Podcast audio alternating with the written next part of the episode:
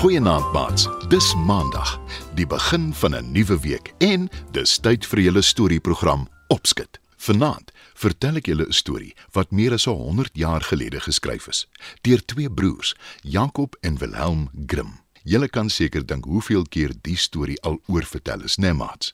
Maar soos ek al van tevore gesê het, niemand word moeg vir 'n goeie storie nie.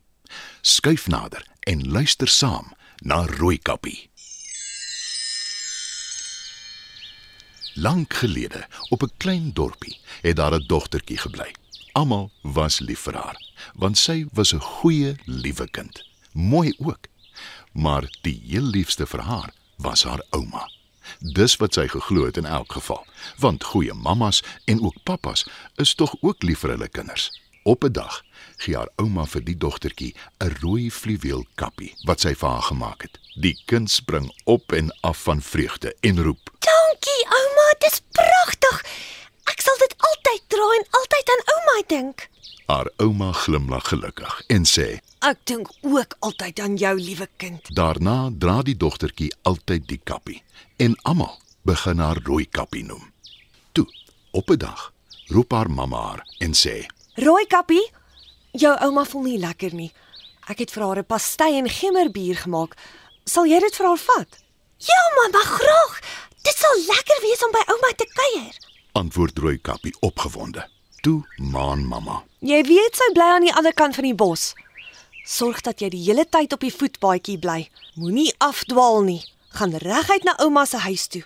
Moenie onnodige draaie loop nie en jy mag onder geen omstandighede met vreemdelinge gesels nie. Ek beloof ek sal die pad loop wat ek goed ken en ek sal met niemand praat nie, mamma. sê rooi kappie. Mamma pak ouma se lekkernye in 'n mandjie en sy gee dit vir haar dogter. Rooi kappie soen haar mamma totsiens en daar vertrek sy. Sy huppel stap vrolik met die paadjie langs. Maar toe, skielik, sien sy die mooiste blom. Sy steek vas en staar daarna. Toe loop sy effens van die paadjie af om aan die blom te ruik. Rooikappie sien ook 'n kleurvolle vlinder en volg dit. Haar belofte aan haar mamma is heeltemal vergete. Sy skrik haar boeglam toe sy skielik 'n diep stem agter haar hoor praat. Middag, dogtertjie. Wat maak jy hier alleen in die bos? Rooikappie kyk om en sien 'n wolf wat naby haar staan. Hy lyk baie vriendelik en sy's glad nie bang nie.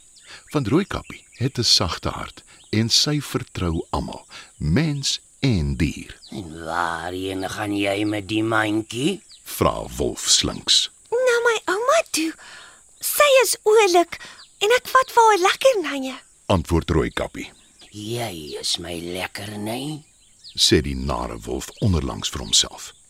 Maar hy besluit om haar nie daar en dan te vang en op te eet nie. Hy het 'n beter plan. Hy sal eers die ouma eet en dan die dogtertjie vir nagereg. Toe vra hy: En waar bly jou ouma Rooikappie? Aan die ander kant van die bos. Haar huis is langs 'n groot eikeboom. Jy kan dit nie miskyk nie. "Antwoord Rooikappie." En die wolf vra: Gee jy om as ek saam met jou kom? Ek, ek sal haar graag wil ontmoet. Rooikappie stem dadelik in en sê: Dis so gaaf van jou. Natuurlik kan jy saam met my gaan. "Toe kyk sy om haar rond en sê effens bekommerd: Ek dink ek het bietjie afgedwaal van die voetpaadjie af. Ek sal sommer nou dadelik teruggaan en Voordat Rooikappie klaar kan praat, paai die wolf haar en verseker haar dis eintlik 'n beter paadjie waarop sy nou is, want dis 'n kort pad. Rooikappie twyfel eers, maar besluit dan tog om die wolf te glo. En sy volg die paadjie na haar ouma se huis toe. Maar die wolf begin nou sy slinkse plan uitvoer en hy sê: Ek het 'n plan. Hoekom volg ek nie die voetpaadjie nie? Dan kyk ek of ek jou ouma se huis op my eie kan kry. Rooikappie wyfel. Die wolf sien dit en sê: As jy nie wil nie, is dit reg so. Jy moet my maar verskoon. Ek hou daarvan om speletjies te speel. Rooikappie lag opgewonde en sê: Ek ook. Kom ons doen dit. Sy stap vrolik verder. Die wolf glip op die voetpaadjie en hy begin hardloop na ouma se huis toe. Daar aangekom, klop hy aan die deur. Wie is dit? Roep ouma wat in haar bed lê. Die wolf antwoord in 'n fyn stem wat hy hoop soos Rooikappie se klink. Dis ek ouma Rooi Kappie. Ek het vir ouma kom kuier en vir ouma lekker nye gebring. Kom in, rooi kappie. Roep ouma. Die wolf hardloop vinnig by ouma se huis in, reguit na haar slaapkamer toe. Hy sien haar in die bed lê en gryp die arme weerlose ou vrou. Help!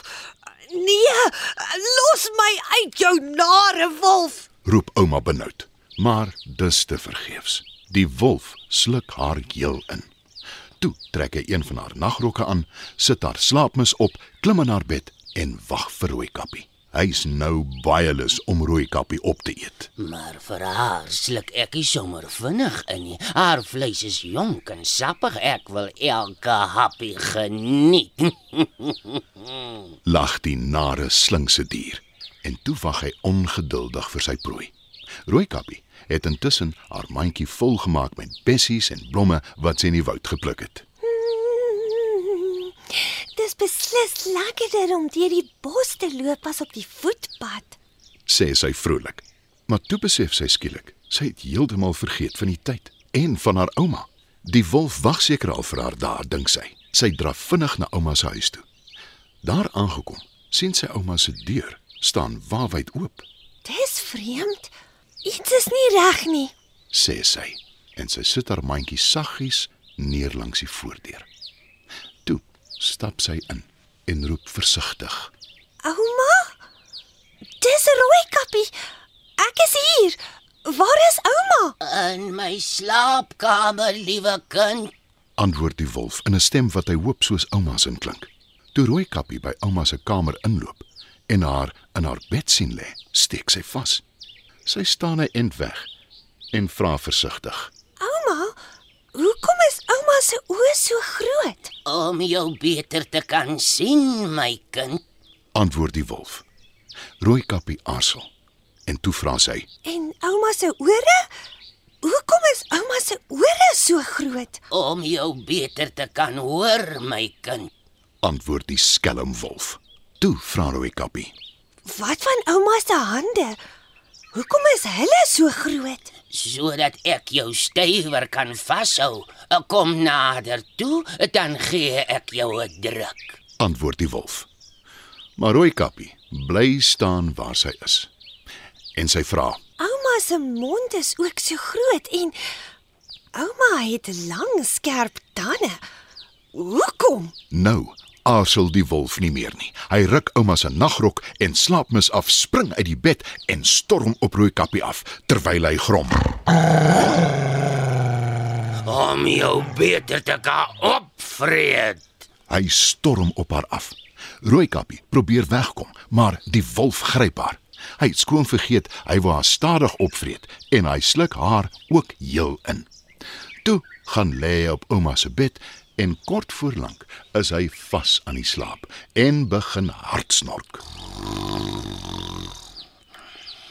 'n Jagter wat verby ouma se huis loop, sien die oop deur. Hy hoor ook die harde gesnork. Hy gaan staan stil en sê: Iets is verkeerd. Ek beter gaan ondersoek instel. Hy stap in die rigting waar die gesnork vandaan kom en hy sien die wolf op ouma se bed lê en slaap. Hoe lank soek ek al nie na jou nie, jou moeilikheidmaker, sê hy en haal sy geweer oor. Maar toe besef hy, ouma is nêrens te sien nie.